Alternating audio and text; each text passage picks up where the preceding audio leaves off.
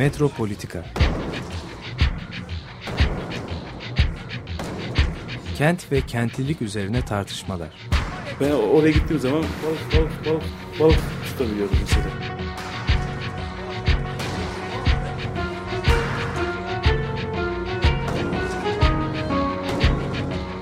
Hazırlayan ve sunanlar Aysim Türkmen ve Deniz Gündoğan İbrişim. Kolay kolay boşaltamadı. Yani elektrikçiler terk etmedi Perşembe Pazarı merkezini.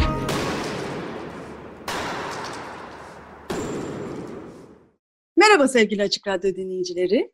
Ee, Bugün sinema ve metropolitika e, programlarımızın bir tanesine geldiniz, dinliyorsunuz. Her ayın ilk haftası sinema üzerine konuşuyoruz Metropolitika'da. Bu haftanın konuğu da sevgili Feyzi Erçin. Hoş geldin Feyzi. Merhaba Aysim, hoş bulduk. E, Feyzi Erçin'i e, sanırım birçok dinleyicimiz tanıyor. E, kendisi 8 yıl e, boyunca Boğaziçi Üniversitesi'nde e, sinema, müzik, sinema, ses dersleri verdi. Ancak e, birçoğunuzun da bildiği gibi artık ders vermesi e, engellendi. E, şimdi biz e, Feyzi'nin bu derslerinden e, yola çıkarak sinema, müzik ve mekanı konuşacağız. Sinema tarihinin farklı farklı dönemlerinden, farklı farklı filmlerle e, sinemanın e, müzikle ilişkisini mekanlar üzerinden tartışacağız. E, bu e, sohbetimizin ilk filmi de sinema tarihinin belki de en önemli filmlerinden olan Metropolis. Evet e, Feyzi, sinema ve müzik üzerine ve mekanlar üzerine sohbetimize başlayalım mı? Başlayalım. Evet, çok teşekkür ederim bu fırsatı da verdiğin için. Ee, hem e, senin mekanlarla ilgili bilgini, tecrübeni ve uzmanlığını da biliyorum. Hem de seninle e, birlikte bir program yapmayı istediğin zaman fark ettim ki e, yani hakikaten ses ve müzik sinemada mekana dair olan algımızı ve nerede olduğumuzu, nasıl duyduğumuz üzerinden en az belki de daha çok gördüğümüze göre keskin bir şekilde belirliyor. Bunu böyle birkaç örneğiyle tarif etmeye çalışacağız bugün ve örneklerin üzerinden biraz ilham vermeye gayret edeceğiz. Ee, sinemadaki mekan ve ses ilişkisine ben bahsederken hani tarihsel olarak aslında birçok konuda Fritz Lang'ın Metropolis filmine dönebiliyoruz. Ama burada dahi dönebiliyoruz. Hem de daha e, o film şeridine, o selüloide dönmemizi mümkün kılıyor. Çünkü e, Lang'ın Metropolis'i e, Naziler zamanında e, harap olmuş, mahvolmuş, ortadan kaybolmuş ve restorasyonu ve orijinal haline en yakın kurgusunu yapmak bayağı güç bir hale gelmiş. Nitekim o restorasyonda yıllar içerisinde değişmiş farklı versiyonları var.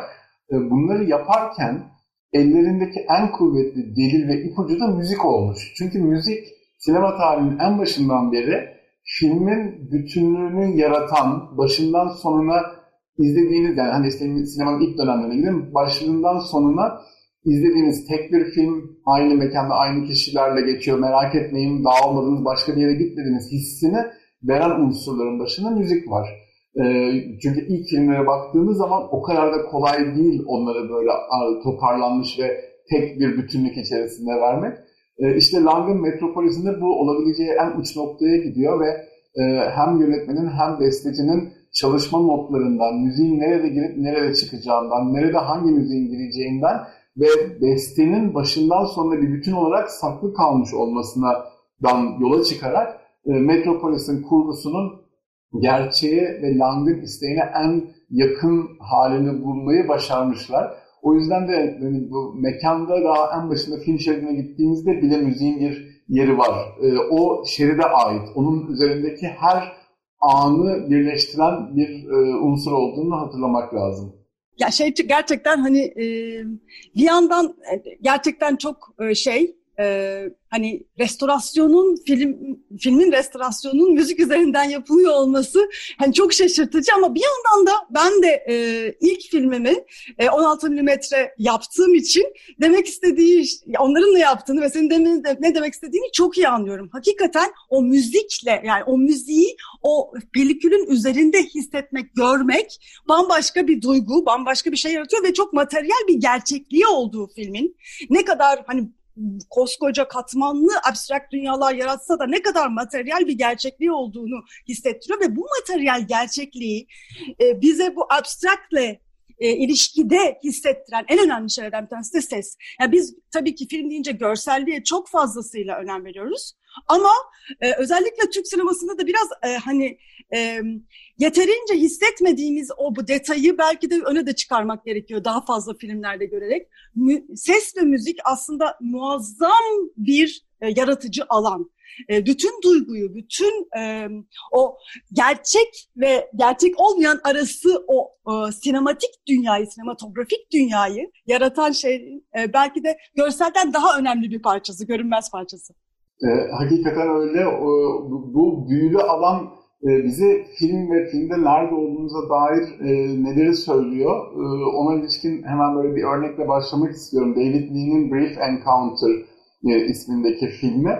E, bu filmde e, çok harikulade bir e, yöntem kullanmış aslında ve tam e, biz neredeyiz sorgulamamızı imkan kılıyor. Belki bunu yapmadan evvel e, terminoloji olarak e, arasında kullanabileceğimiz iki tane kelimeden bahsetmek lazım. Bir tanesi diegetik müzik, yani aslında metin içindeki müzik. Bir tanesi non-diegetik müzik. E, metin dışı, yani met, metin dışı derken filmin karakterlerinin duymadığı, bilmediği, bizim sadece seyirci olarak duyduğumuz o senin bahsettiğin filmin pellikülün üzerine işlenmiş olan müzik. Halbuki diegetik metin içi dediğimiz müzik o karakterlerin dünyasına ait olan müzik. O yüzden metin içi diye çevirmek e, daha uygun oluyor. E, dolayısıyla bir filmde radyoda çalan bir müzik, e, bir e, karakterin çaldığı bir piyano, kulaklıktan dinledikleri müzikler bunların hepsi diegetik müzik oluyor. Oradaki karakterlerin evrenine, hikayenin içerisine aitse. Şimdi Brief Encounter'da harikulade olan şey şu. Bir evli çift var. Bu arada 1945 yılının dönemine göre de aslında oldukça ilerici bir yanı var diyebiliriz. Çünkü evlilik dışı ilişkiyi e, objektif ve kadının hayali arzu dünyasının bir parçası e, olarak doğal hatta neredeyse böyle e, o evlilik düzeni içerisinde kaçınılmaz olarak sunabildiği bir yanı var. Bu 1945'e çok da e, rahat yapılmayan bir e, konu, rahat işlenmeyen bir konu olduğu için David Lean burada zamanın ilerisine gitmiş. Film bir e, oturma odasında diyelim. E, karı kocanın oturup konuştuğu, e, kocasının bulmaca çözerken e, kadının da bir takım düşüncelere daldığı bir hikaye üzerinden bize o evlilik dışı ilişkiyi çok detayla gösteriyor ve anlatıyor. Film bittiğinde şunu hissediyorsunuz. Bu filmin çok güzel müzikleri var. Ee, ki gerçekten öyle. Klasik müzik tarihinin en iyi bilinen ünlü, romantik, ateşli, tutkulu parçalarından bir tanesi. Rahmaninov'un ikinci piyano konçertosu. Bu filme eşlik etmiş ve bu eşliğiyle de zaten ünlü olmuş ve o tutkulu aşk hikayesi hep Rahmaninov'un ikinci piyano konçertosunun non-diegetik yani arka plandaki müziğiyle hatırlanıyor film bitince. Halbuki dikkatli baktığımızda filme çok e, kritik 2-3 yerde olan ama özellikle başında ve sonunda olmasıyla kritikleşen şu var. Bu oturma odasında oturan çift bir yerde radyoyu açmak istiyor. Radyoyu açıyor, iki tane kanalda geziniyor kadın ve en sonunda Rahmanov'u duyunca karar kılıyor. Rahmanov'un ikinci piyano konsertosu çalıyor. Çalarken de kendi içinden ah Fred sana keşke bunları anlatabilseydim diyerek bütün hikayeyi anlatmaya başlıyor. Şimdi bu film boyunca biz hangi mekanlarda bulunduk diye bir soru sorulsa aslında tek bir cevabı var. Biz bütün film boyunca sadece o oturma odasının içerisindeyiz. Başka hiçbir yere çıkmıyoruz. Gördüğümüz o sinemaya gidiyorlar, gölde geziniyorlar, tenis, hiçbirisi olmuyor. Olmamış da olabilir, kadının hayali de olabilir, o bir yorum. Olmuştur, kadın sadece bunu hatırlıyordur. Kocasına bunu gerçekten anlatıyordur ya da kocasına aslında anlatmayıp anlattığını hayal ediyordur. Çünkü kocasının cevapları da her yöne de uyabilecek bir şey. Son cümlesi dahil. Neyse bu ıı, düşündüğün çok kötü bir şeymiş diye bitirdiği de dahil olmak üzere. Ama bize müzik bu bağlandığı 2-3 sahnede tekrardan oturmalısın döndüklerinde hep çaldığı için ve çaldığında da işte bir yerde kocası çok yüksek kız sana şunu diyor. Sonra tekrar sonunda müzik biterken bağlanıyor. Aslında biz fark ediyoruz ki hiçbir yere gitmemişiz. Bu e, roman hikayenin romantikliğini aslında o kadar romantik bir müzik olmasına rağmen hikayenin romantikliğini çok e, bastıran e, bir mekana hapseden ve o mekanın içerisinde kadının ruhunda, kalbinde, zihninin nasıl taştığını gösteren harikulade bir unsur ve yöntem haline geliyor. E, ben bunu çok büyüleyici buluyorum ve tam böyle örnek olarak dinlediğimiz müzik bize nerede olduğunu, birinin zihninde miyiz? Ee, bir mekanda mıyız, bir odada mıyız yoksa başka bir odada mıyız?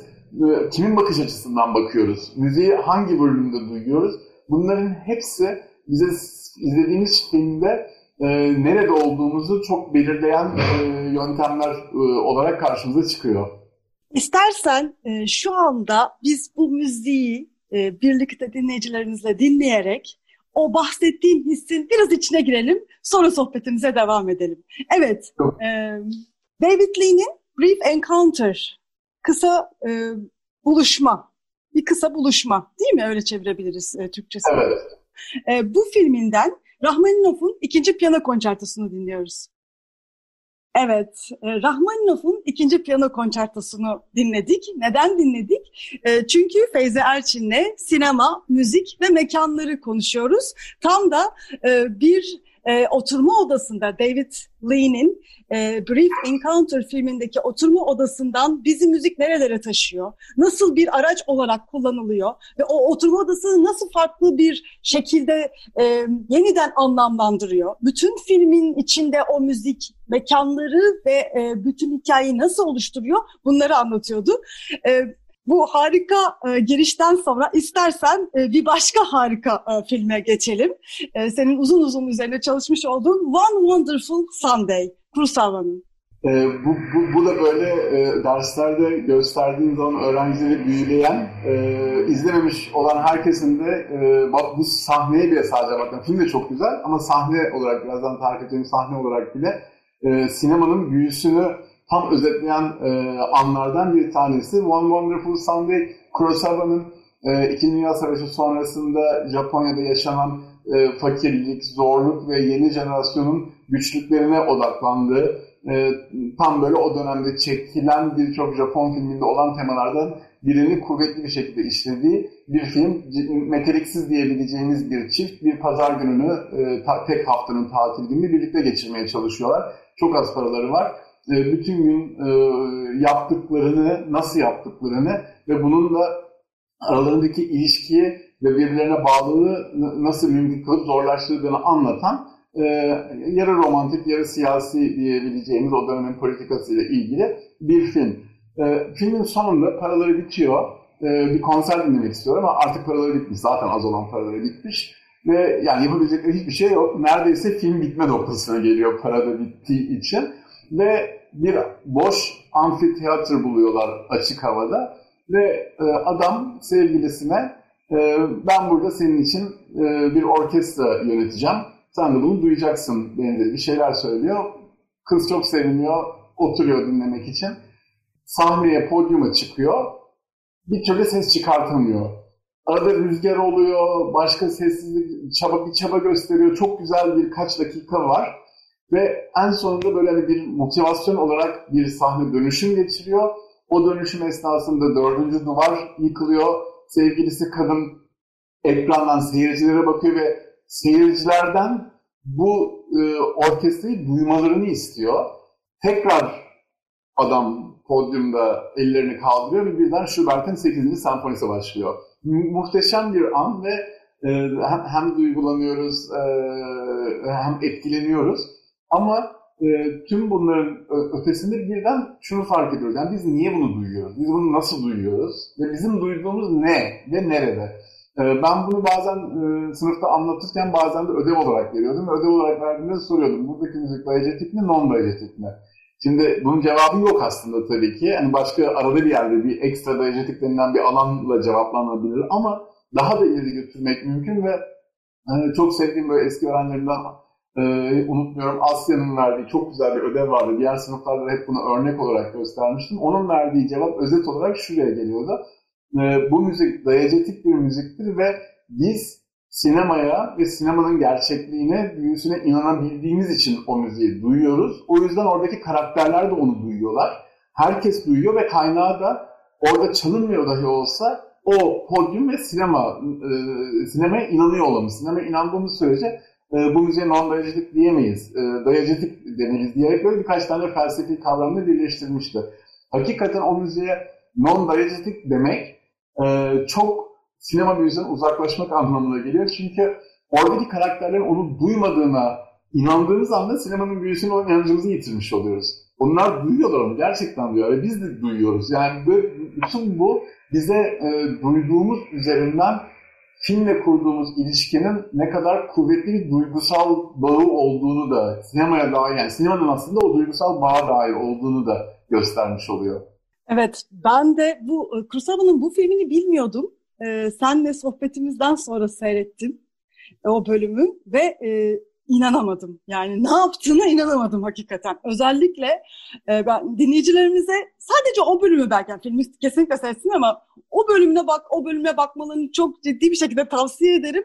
Çünkü e, o e, kadının seyirciye döndüğü andaki o hakikaten senin demin anlattığın o dördüncü duvarın yıkılması, üçüncü göz dediğimiz şey yani Brecht'in yabancılaştırma efektinin seyircinin ve pardon oyuncunun seyirciye direkt bakma olayını öyle bir şekilde yapmış ki belki sinema tarihinin en etkileyici sahnelerinden bir tanesi. Yani bunu bir de müzikle birleştirdiği için ayrıyeten çok etkili ama hakikaten inanmaya başlıyorsun. Yani inanmadığın sürece o film film olmuyor. Dolayısıyla aslında filmin ne olduğunu felsefi düzeyde tartıştıran ve bunu müzikle yapan inanılmaz bir sahne ve bu e, çok es, erken dönem Kurosawa filmi bu arada. Yani onu da onu da e, bütün geceyi Kurosawa ile geçirdim. Sayende harikulade bir gece geçirdim ve o bu kadar erken dönemde bunu yapmış olması e, yani ne kadar muazzam bir ustayla e, ve nasıl bu ustanın sesi ve müziği nasıl kullandığıyla da bizi karşılaştırıyor. Evet, e, Kursava'dan geçmek çok zor Feyzi ama e, çok güzel başka e, e, alanlara da açılmamız gerekiyor. Müzikle ilgili, mekanlarla ilgili, sinema ile ilgili ve Casablanca e, demiştik değil mi? Casablanca'nın müzik ve mekanla ilgili enteresan noktaları neler? Ya müzik e, o kadar e, yani ortak e, bir e, herkesi yükselten, e, genel müzik sevmeyen de kimse yoktur falan ya böyle o kadar ortak ve güçlü bir duygu ifade biçimi ki Casablanca gibi hani nispeten daha ana akım böyle ve, ve bir tipik bir dönemin tipik bir Hollywood sineması olarak tarihsel olarak Hollywood değil Amerikan sineması olarak bir yere koyabileceğimiz bir yerde bile Curtis'in Casablanca'sı e, çok e, harikulade bir sahneyle başlıyor. Yani hak ediyor o ünü muhakkak. Ve e, zaten filmin başından sonuna müzikal kurgusu anlatılabilir, ses kurgusu üzerinden e, ayrı bir sunum yapılabilir ama ben sadece o demin bahsetmiş olduğumuz inanmak ve e, müziğin bir aracı olmasının nasıl e, Casablanca'yı sirayet ettiğini tek bir sahneyle anlatmak istiyorum. Casablanca deyince herkesin aklından çıkmayacak olan ve tam da buradaki konuşmamızın konusu olan bir mekan var. Rick'in kafesi.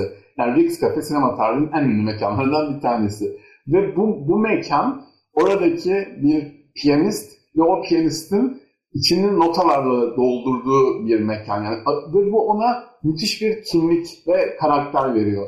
Ee, o yüzden de zaten e, filmin girişteki non-dayacılık bir müziğinin dışında harikulade bir kurguyla film başladıktan sonra e, insanın o karşılıklı göz göze gelip de birbirlerine o ünlü e, Wait Against Sam for All Time's Sake işte lütfen yeniden çalar mısın deyip de e, çalamam ama deyip sonra isteksizce çalıp da ondan sonra Rick'in geldiği sahne. O ana kadar filmde non-budget dediğimiz müzik hiç yok. E, bu mesela çok bilinçli ve kesin bir kurgu. Orayı, e, o beklentiyi yaratacak bir fon müziği misalli bir kurgu çok zedeleyici olurdu. Biz filmin ilk 15-20 dakikasında, tam dakikasında tanımam o kadar olmalı. Sadece Sem'i bir aracı olarak müzik yapan, bir mekanı dolduran ve insanların duygularına tercüman olan bir aracı olarak görüyoruz. Müziğin bu aracılık görevi sinemada çok sıklıkla tekrarlanıyor. Ve İsa görüp de içeride Sem'i tanıyıp hatırladıktan sonra eskiden olduğunu bize fark ettirerek bir şarkıyı istediği anda birden bir geçmişte bağ kurulmuş oluyor. Rick geliyor, kızgın bir şekilde sana bunu sana çalmamını söylememiş miydim gibi bir şey söylüyor ve sonra İsa ile göz göze geliyorlar. Filmdeki ilk non-verildik müzik o anda çalmaya başlıyor. Ve oradan bir flashbackle ikisinin Paris'teki yaşadığı ana gidene kadar sürekli arkada Sem'in çalmaması gereken parçanın o ana temasının motifleri bazen kısa, bazen uzun, bazen daha farklı hızlı bir tempoda, bazen daha yavaş, bazen böyle çekerek ama arkada belli belirsiz giriyor, çıkıyor, giriyor, çıkıyor. Şimdi bu tam insan zihninin yapacağı bir hareket. Ve biz orada her dakika anlıyoruz ki biz şu anda artık bu kafede değiliz. Bu kafede çalan müzik çalmıyor. Bu kafede senin çalmış olduğu müzik bizim zihnimizde rezone ediyor. Tekrar yankılanıyor, tekrar duyuluyoruz ve aslında biz o anda İlsayra Rick'in zihnindeyiz. Biriden diğerine giden ve müziğin kurmuş olduğu bağın içindeyiz. Başka bir yerde değiliz ve o bağ geçmişe giden hatırladıkları bir şey üzerinden. O müziği duyduktan sonra ikisi de o müziği kafasında tekrarlıyor gibi adeta. Dolayısıyla biz de onlarla birlikte zaman içinde bir yolculuğa çıkıyoruz ve başka bir mekana, Paris'e, geçmişe doğru gidiyoruz. Bunu yapan da senin o diegetik müziğinin nasıl rezone edip böyle havada adeta asılı kalmış bir şekilde titreşimlerle e, yankılanması ve tekrarlanması ama hep böyle farklı ve belli belirsiz. Yani müziği bir kere duyurduktan sonra tekrar nasıl duyurduğun nerede olduğumuza dair, nereye gittiğimize dair o yolculuğa dair çok ipucu verebiliyor. E, mekan çok materyal, çok fiziksel, e, dokunabildiğimiz bir şey, evet. Ama bir yandan da mekanlarla ilgili algılarımız, yani mekanın e, poetikası, e, muazzam katmanlı, çok boyutlu bir şey. Tam da aslında müzik üzerinden, filmler üzerinden ve müzik üzerinden mekana baktığımızda, bugün seni dinlerken sürekli bu, bunu düşünüyorum. Bu katmanlılığı, e, bu e, çok boyutluluğu görebiliyoruz. O yüzden hani yani bambaşka bir e, şu anda bize bir e, bütün hem filmlere bakarken hem mekanla ilişkimize bakarken yeni bir boyut oluşturuyorsun. Yani hani biz bunu konuşuyorduk, ediyorduk ama bunu filmde neredeyse elimizde tutabilir şekilde görmemizi sağlıyorsun. O yüzden bu e, mekan felsefesi açısından sesi ve müziği e, katarak bakmak mekana ne kadar önemli ve özellikle film gibi bir mecranın içinde ne kadar önemli. E, seni dinledikçe daha da böyle bunun e, nasıl güzel ve önemli olduğunu, nasıl keyifle bu önemi hissettiğimi fark ediyorum. Bu senin çalışmalarında önemli yer tutan e, filmlerden bir tanesi de yine sinema tarihinin e, bizim hayatımız boyunca da e, bizim e, sinema dünyamızın parçası olmuş olan Hayat Güzeldir, Life is Beautiful filmi. E, burada e, dinleyicilerimizin herhalde akıllarından çıkmayan e, çok önemli bir sahne var. E, bir sürü sahnesi çok güzel ama bu sahne e, sinema ve müzik açısından ve mekan açısından da e, çok özel bir e, durum yaratıyor. Şimdi istersen e, Life is Beautiful'la devam edelim. E, Life is Beautiful'daki sahneye başlamadan sırf e, çok güzel bir cümle kullandığın için onu, tekrardan döneceğimiz yerde onu belirtmek istiyorum. Sen mekan çok materyal dedin. Sonra da mekan, mekanın bir de poetikası var dedin. O tam Jacques Tati filmlerine uyuyor ve çok seviyorsun sen Jacques Tati'yi de biliyorum ama hem mekanın aşırı materyal olması hem de o kendine has şiirselliğine herhalde Tati'den daha güzel kimse duyurmamıştır bize. Onu zaten birazdan geleceğiz ama o iki cümle çok güzel bağlıyordu Tati. E, Life is Beautiful e, nerede olduğumuza ve buna inanmamıza ve karakterlerin de inanmasına dair harikulade bir sahne e, barındırıyor. Roberto Benigni'nin filminde kendisinin oynadığı karakter, e, karısı, çocukları ve karısıyla tabii daha tanıştıkları anda e, bir opera üzerinden ve sonra da aynı müziğin tekrarlandığı bir toplama kampı sahnesi üzerinden mekan algısına dair yine mükemmel bir kurgu var. E, bunların ne kadar incelikli olduğunu anlatmayı seviyorum çünkü sinema bu kadar incelikli düşündüğün zaman büyüleyici ve e, harikulade sonuçlar veriyor. Burada azıcık dahi az ihmalkar düşünsen ve bu önemi vermesen e, bu kadar etkileyici sonuçlar elde edemiyorsun. E, karısıyla evlenmeden evvel flörtleştikleri zaman onun okuluna bir e, denetleyen bir e, müdür rolünde gitmişken e, yakalandığını anladığında camdan kaçarken son söylediği cümle e, onun operaya gideceğini bildiği için Venedik'te görüşürüz Ya bu mesela tek bir cümle, müthiş bir cümle. Yani operada görüşürüz demiyor, yarın görüşürüz demiyor. Venedik'te görüşürüz diyor. Ertesi gün gittikleri opera, e, o Offenbach'ın Hoffman'ın Masalları e, operasının ikinci perdesi Venedik'te geçer. Ve bir sonraki sahne direkt Venedik'te.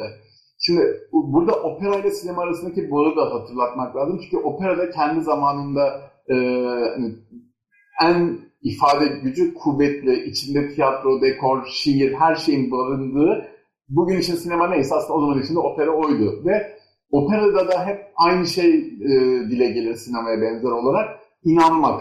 E, bazen hani e, operayı sevmeyen birisi çok rahat şunu söyler, ya ölmek üzere e, bıçaklanmış 5 dakika arya söylüyor, saçma. Yani Tabii ki yani tabii gerçekte bu olmuyor ama buna inanabildiğin zaman zaten operayı seviyorsun. Hani sinemanın da bu açıdan bir farkı yok operayı ancak inandığın zaman ulaşabilecek bir mecra olarak düşününce o çiftin operaya gitmesi ve o operada birbirlerine balkondan seslenerek karşılarında e, operanın en ünlü müziği olan ikinci perdedeki düet Barkarol diye bilinen düet çalarken birbirleriyle balkondan bakışmaları müthiş romantik ve böyle aşkın mümkünlüğüne dair bir an. Ondan sonra tabii arada birçok şey oluyor. Facialar, toplama kampındalar. Ve tabii ki olamayacak bir şey oluyor neredeyse. Toplama kampında bir şekilde mutfakta garson olarak çalışabilirken bir gramofon buluyor. Gramofonun yanında o operadaki o düetin planı buluyor.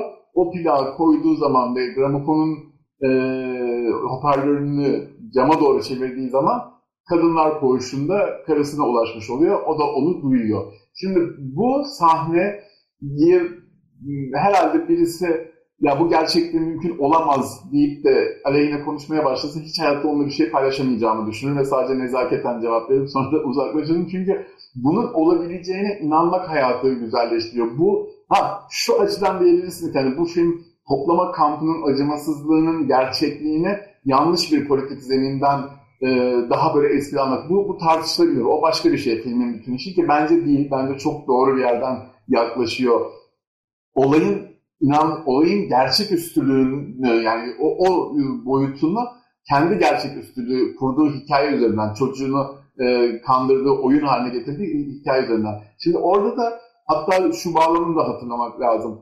Kendi çocuğunun buna dayanmasını bir oyun oynatarak sağlıyor. Öyle baktığında opera da bir oyun. Yani operanın kökeni de aslında en basit oynadığımız oyunlar. Tiyatro zaten. Onun kökeni bizim belki çocukluktan beri gelen oyunlar. Yani bütün oyunlar, bütün inanılması güç e, temsile dayanan varlıkları burada müzikle birbirine bağlamış oluyor. Bütün film boyunca sadece iki yerde klasik müzik çalıyor. Bütün film boyunca sadece iki yerde aynı klasik müzik çalıyor. Ve o eseri duyduğunuz zaman bir önceki sahneye dönmemek imkansız. Ama döndüğünüzde bence bu şekilde düşündüğünüzde şunu yapmıyorsunuz. Ah ya ne kadar güzel günler vardı, operada bunu dinlemişlerdi, ne kadar hüzünlü. Hayır, o anda o operaya inandığınız gibi bunu duyabileceğinize inanmanız ve o kadının o müziği duyduğunda görmese bile kocasının bir yerde bu, bu sahneyi hatırlayacağını inanması. Yani bu bağ kurmaktaki güzellik mekan olarak bir mutfakla bir koğuşu toplama kampının içerisinde birleştiriyor. Toplama kampını opera ile birleştiriyor, opera salonu ile birleştiriyor ve böyle tüm imkansızlıkları yok ediyor. Evet, istersen şimdi e, dinleyicilerimizle bu duyguyu paylaşalım. E, Life is Beautiful'ın bu güzel e, düetini e, dinleyelim. E, Offenbach'ın, Hoffman'ın masallarının ikinci perdesinde e, çalan Barkarol.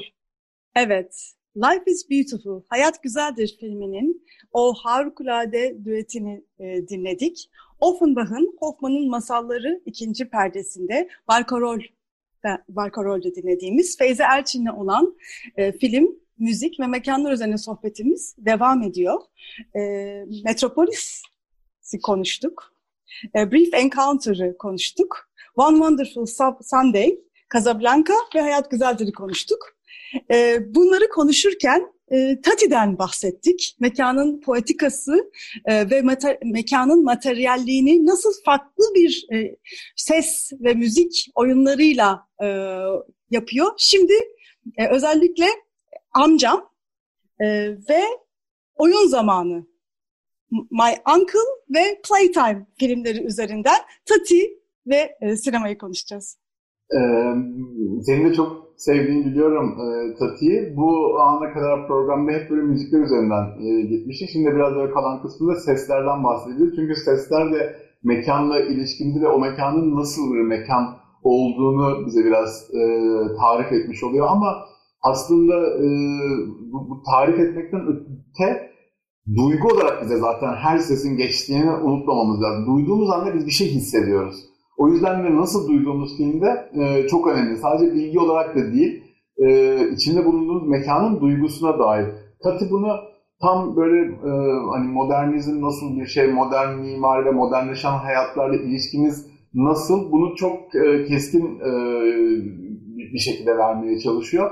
E, o iki filminde çok bariz olmakla birlikte aslında genel olarak filmlerine baktığımız zaman gördüğümüz bir kere bir sokak ve insan sesleriyle o modern binaların iç sesleri arasında muazzam bir ayrılık var ve sokak ve insan sesleri ne kadar kaotik, gürültülü, duyması zor, bağırış çağırış, çocuklar çekiştiriyor, köpekler havlıyor, insanlar, satıcılar falan. Ama çok daha yani e, yani basit bir kelime kullanacağım, insani, e, daha yaşama dair ve tam işte hani e, yaşam burada hissini veren, hep birlikteyiz, buradayız, gürültülüyüz, bağırıyoruz, çağırıyoruz gibi bir ofisin içine girdiğimiz anda öyle bir vakumun içerisinde bulunuyorsunuz ki ve o kadar o ofis veya yaşam alanı, e, binalar, rezidans mantığıyla her alanın bir işlevi var. O alanın işlevi dışarıdan tamamen kopartılmış, camlar ayrı ayırıyor, ses yalıtımları ayrı ayırıyor ve e, Tati filmlerindeki o e, sesle olan ilişkimizle mekandaki e, tüm nesneleri ve o mekanın boşluğunu ve alanını çok böyle patlatıyor. Benim böyle aklımda iki tane sahne var. Bir tanesi e, bir uzun koridorda e, yürüyen bir adam ayak sesleri ve giderek yaklaşması ve normalde o ayak seslerinin giderek de yükselmesi lazım volümünün. Tati bunu böyle yapmıyor. Özel olarak o ayak sesleri düşüyor, yükseliyor, sabit kalıyor.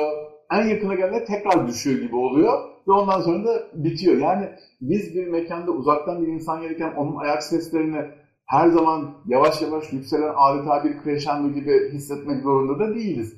Bu senin belki daha iyi yorumlayabileceğin mekanın poetikasına ilişkin bir şey. Ya da bir koltuğa oturuyor, koltuktan kalktığı anda o koltuğun kalkma sesi diye böyle bir yavaş bir şekilde duyuluyor ya, o bize tüm o mekanın zaten içindeki sessizliği ve o tuhaf yeni koltuk modelinin e, kendi varlığımızı nasıl hissettirdiğini. Yani ben bir canlı olarak oturuyorum, ses çıkmıyor, kalkıyorum, bir ses çıkıyor ve bir iz bırakıyorum orada ama aslında nasıl bir iz? Böyle uçucu bir iz.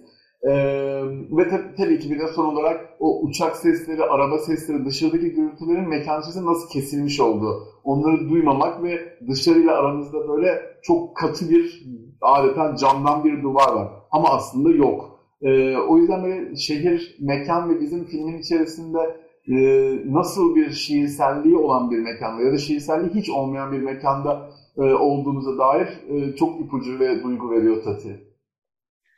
E, tam da hani bu iç ve dış arası e, hani bu kadar keskinleştirmesi Tati'nin aslında e, yaşamlarımızın gitgide yani o sokakla ilişkisinin nasıl böyle keskin şekilde ayrım, ayrıştırılmış olduğunu bize hissettiriyor.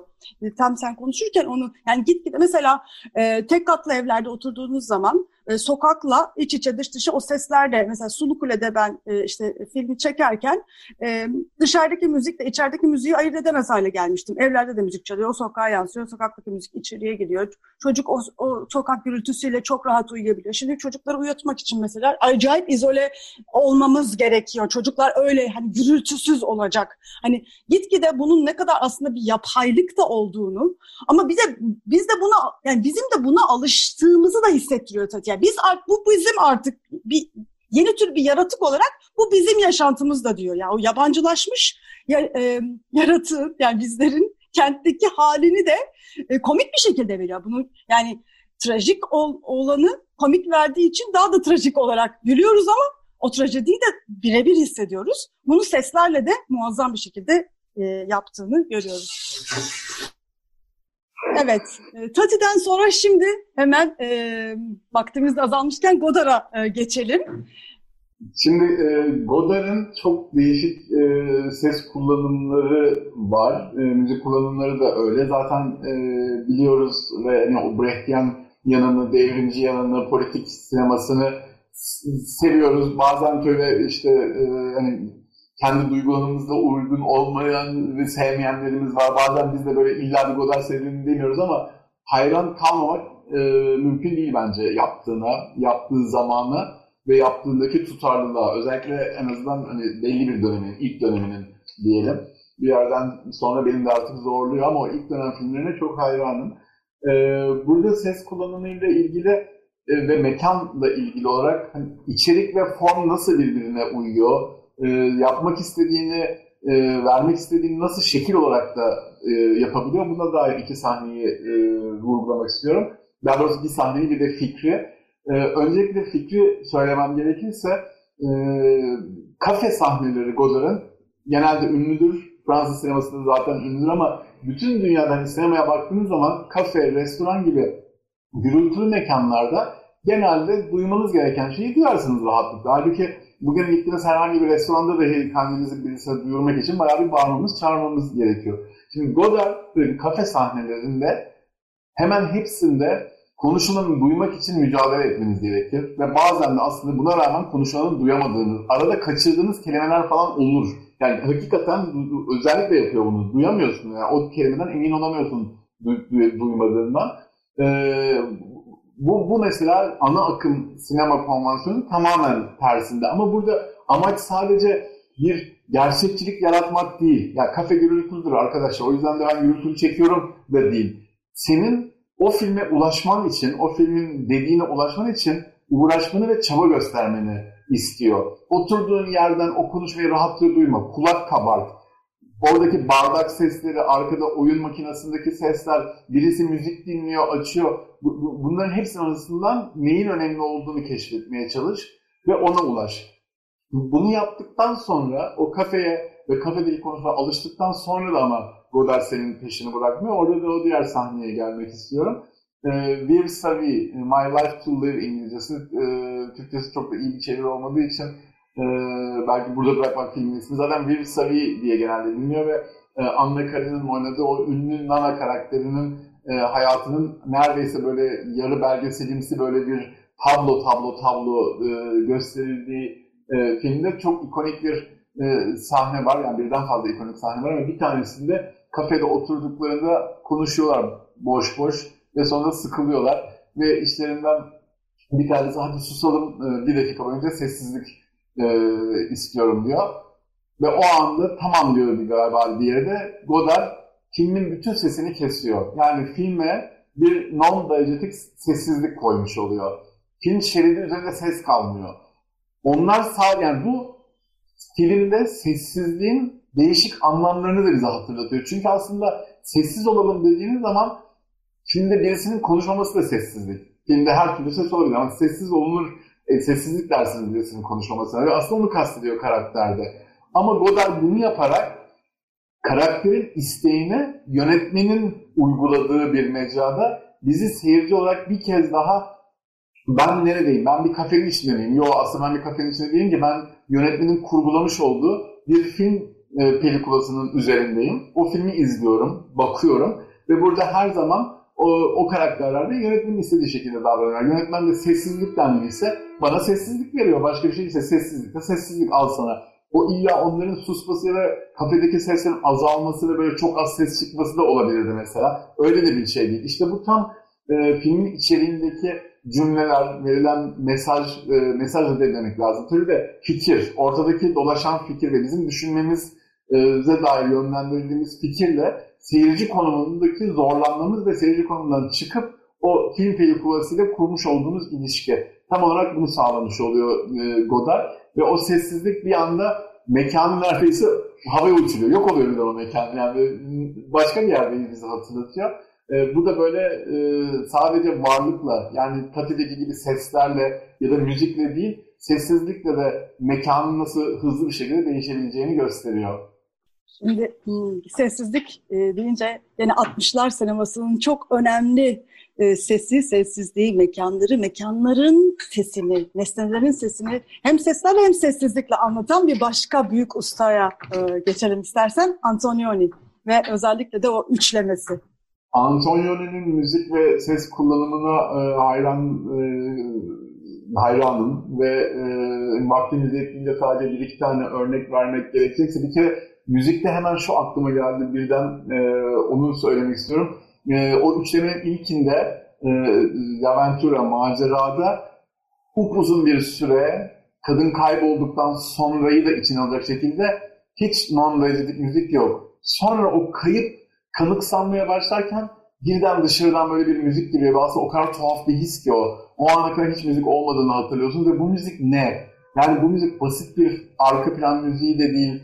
Bu müzik adeta böyle yönetmenin sesi gibi böyle bir dışarıdan bir varlık olduğunu hatırlatıyor. Yine böyle sinemayla konumumuzu çok belirleyen bir yanı var Antonioni'nin müzik kullanımının da. E, çok az ve çok da modern e, müzikler kullanmaya e, çalışmış. Dönemin böyle avantgard bestecileriyle e, caz müziklerinde de böyle oradaki daha yenilikçi e, müzisyenlerle çalışmış ve bunu hayatı boyunca devam ettirmiş. Ama ses kullanımı e, yine senin çok sevdiğine emin olduğum bir şekilde bizi böyle mekanlar içerisindeki insanları konumlandırmamıza e, sağlıyor. E, kendisinin çok e, tam onluk bir sözü var. Ben nesneleri çok seviyorum. Onları kadınları sevdiğim kadar seviyorum. E, kadın, kadın yani on, onların da insanlar gibi bir varoluşu, bir hayatı olduğunu inanıyorum diyor. Bu çok çok güzel bir e, bakış. E, yani bunu dediği zaman anlıyorsunuz zaten sinemada da ne yapmaya e, çalıştığını. Birçok karakterin, özellikle o üçlemedeki kadın karakterlerin kendi varlıklarını hissedebilecekleri ve böyle bir nevroza doğru neredeyse giderken hayatla ilgili bağları, e, sevgilileriyle kurdukları e, ilişkilerdeki hayal kırıklıkları, etraftaki o sonsuz zayıf e, erkekten duydukları artık tiksinme neredeyse o varoluşlarını böyle nesnelerle kurdukları ilişkilere e, sürüklüyor ve e, bir ayakkabıyı e, çıkartmak veya e, giymek, e, odadaki bir e, nesnede parmaklarını tıkırdatmak, bir objeyi alıp yerinden oynatmak ve oradaki çıkan sesler o kadar büyük bir duygusal vaküm olduğunu gösteriyor ki bize. Gece filminin o e, ilk açılış sahnesindeki böyle duygusal vakümü e, hatırlıyorum mesela. E, şey pardon Netflix'in son başında, o duygusal e, vaküm tam Netflix'in başında. E, gecede de e, bir yürüyüş sahnesi var şehirde. Upuzun ve e, bir kadının kendi e, bedeni ve ruhuyla o şehrin sokaklarını doldurduğu e, ender sahneler biri. Tabii ki Agnes Varda'nın Cleo 5'ten 7'yi hemen hatırlıyor insan ama onun devamı olarak da çok harikulade bir sahne ve e, etraftaki sesler, uçak sesleri, erkeklerin kavga sesleri, e, o ayakkabısının topuğundan çıkan yürüme sesleri e, çevredeki o e, en iyi ifadesi herhalde demin kullandığım duygusal bakım. Daha ileri götüremiyorum o yüzden burada biraz keseceğim ama e, nesnelerle bizim ilişkilerimizde kendi varlığımızla nesnenin varlığının çatışması veya bir araya gelmesi ve bize bir varlık olduğumuzu hatırlatmasına dair çok kuvvetli bir duygu veriyor.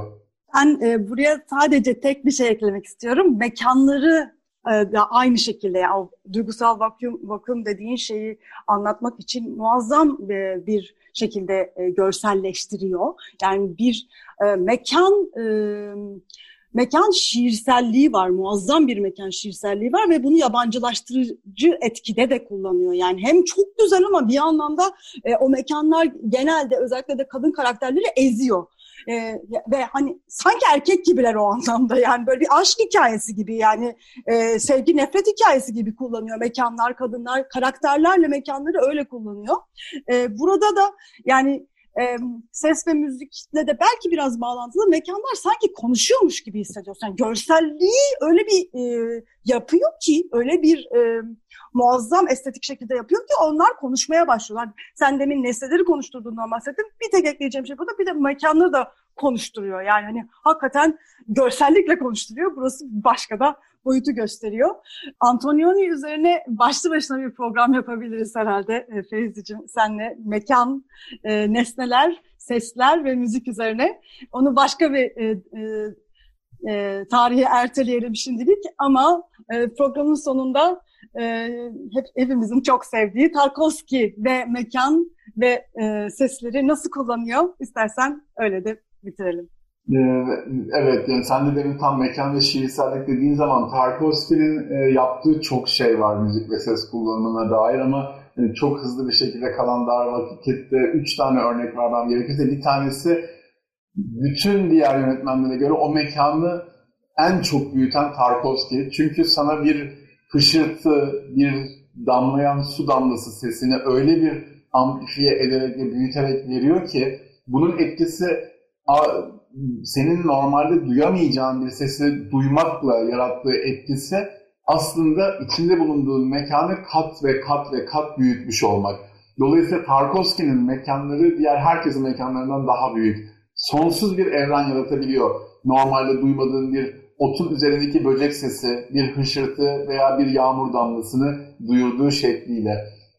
Yani bunun ötesinde o şiirselliği yaratırken mesela Solaris'te Bach kullandığı sahnelerde uzayın içerisinde senin uzay ve e, dünya ile arandaki bağı kuruyor Bach kullanarak. Dolayısıyla mekanları birbirine çok da somut bir müzikle bile eşleştirmek ve bağlamaktan da hiç çekinmiyor.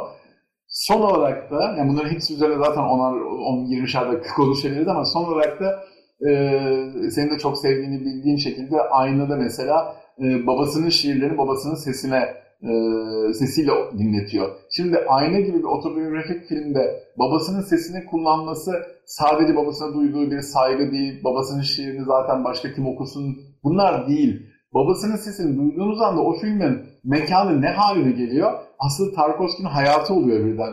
Tarkovski'nin bütün hayatında duyduğu o sesi duyuyorsunuz ve artık o mekan bir pelikül değil, bir oda değil, o odanın demin tarif etmiş olduğum çok büyümüş hali değil. Yani sonsuz bir hayat haline geliyor. Bu çok büyüleyici. Bütün onun hayatının aynısını babasının şiirleriyle bize e, yansıtıyor. E, çok fazla konuşulmuyor. E, bilenler biliyor tabii ama babasının Rusya'nın en önemli şairlerinden bir tanesi olması ve bütün filmlerinde bu şiirselliği hissetmemiz hiç de tesadüfi değil diye e, programı böyle bitirelim. E, çok güzel bir program olduğunu hissettik biz. Umarım dinleyicilerimiz de aynı duyguyu bizimle paylaşmıştır. E, sevgili Feyzi Erçin, Boğaziçi Üniversitesi'nde 8 sene boyunca verdiği film, müzik, film ve ses tasarımı derslerinin e, bir e, parçasını mekanla ilişkilere, ilişkilendirerek bize anlattı. Harikuladeydi gerçekten e, Feyzi. E, bunun bir an önce tekrar öğrencilerine kavuşması dileğini buradan dilemek istiyorum. Çünkü bundan mahrum kalmamalı öğrenciler. Bununla yaratacakları o dünyalardan da biz mahrum kalmamalıyız. Bizimle bunu paylaştığın için çok teşekkür ederiz. Ben çok teşekkür ederim davet ettiğin için ve tekrar görüşmek üzere. Tekrar görüşmek üzere. Ee, şimdilik bu kadar diyoruz. Bu haftalık bu kadar diyoruz ve iyi haftalar.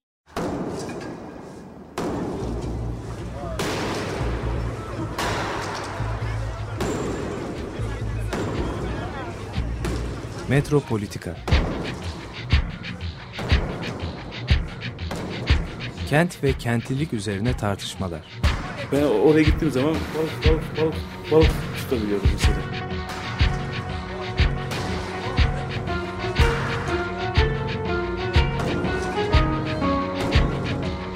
Hazırlayan ve sunanlar Aysim Türkmen ve Deniz Gündoğan İbrişim. Kolay kolay boşaltamadı. Yani elektrikçiler terk etmedi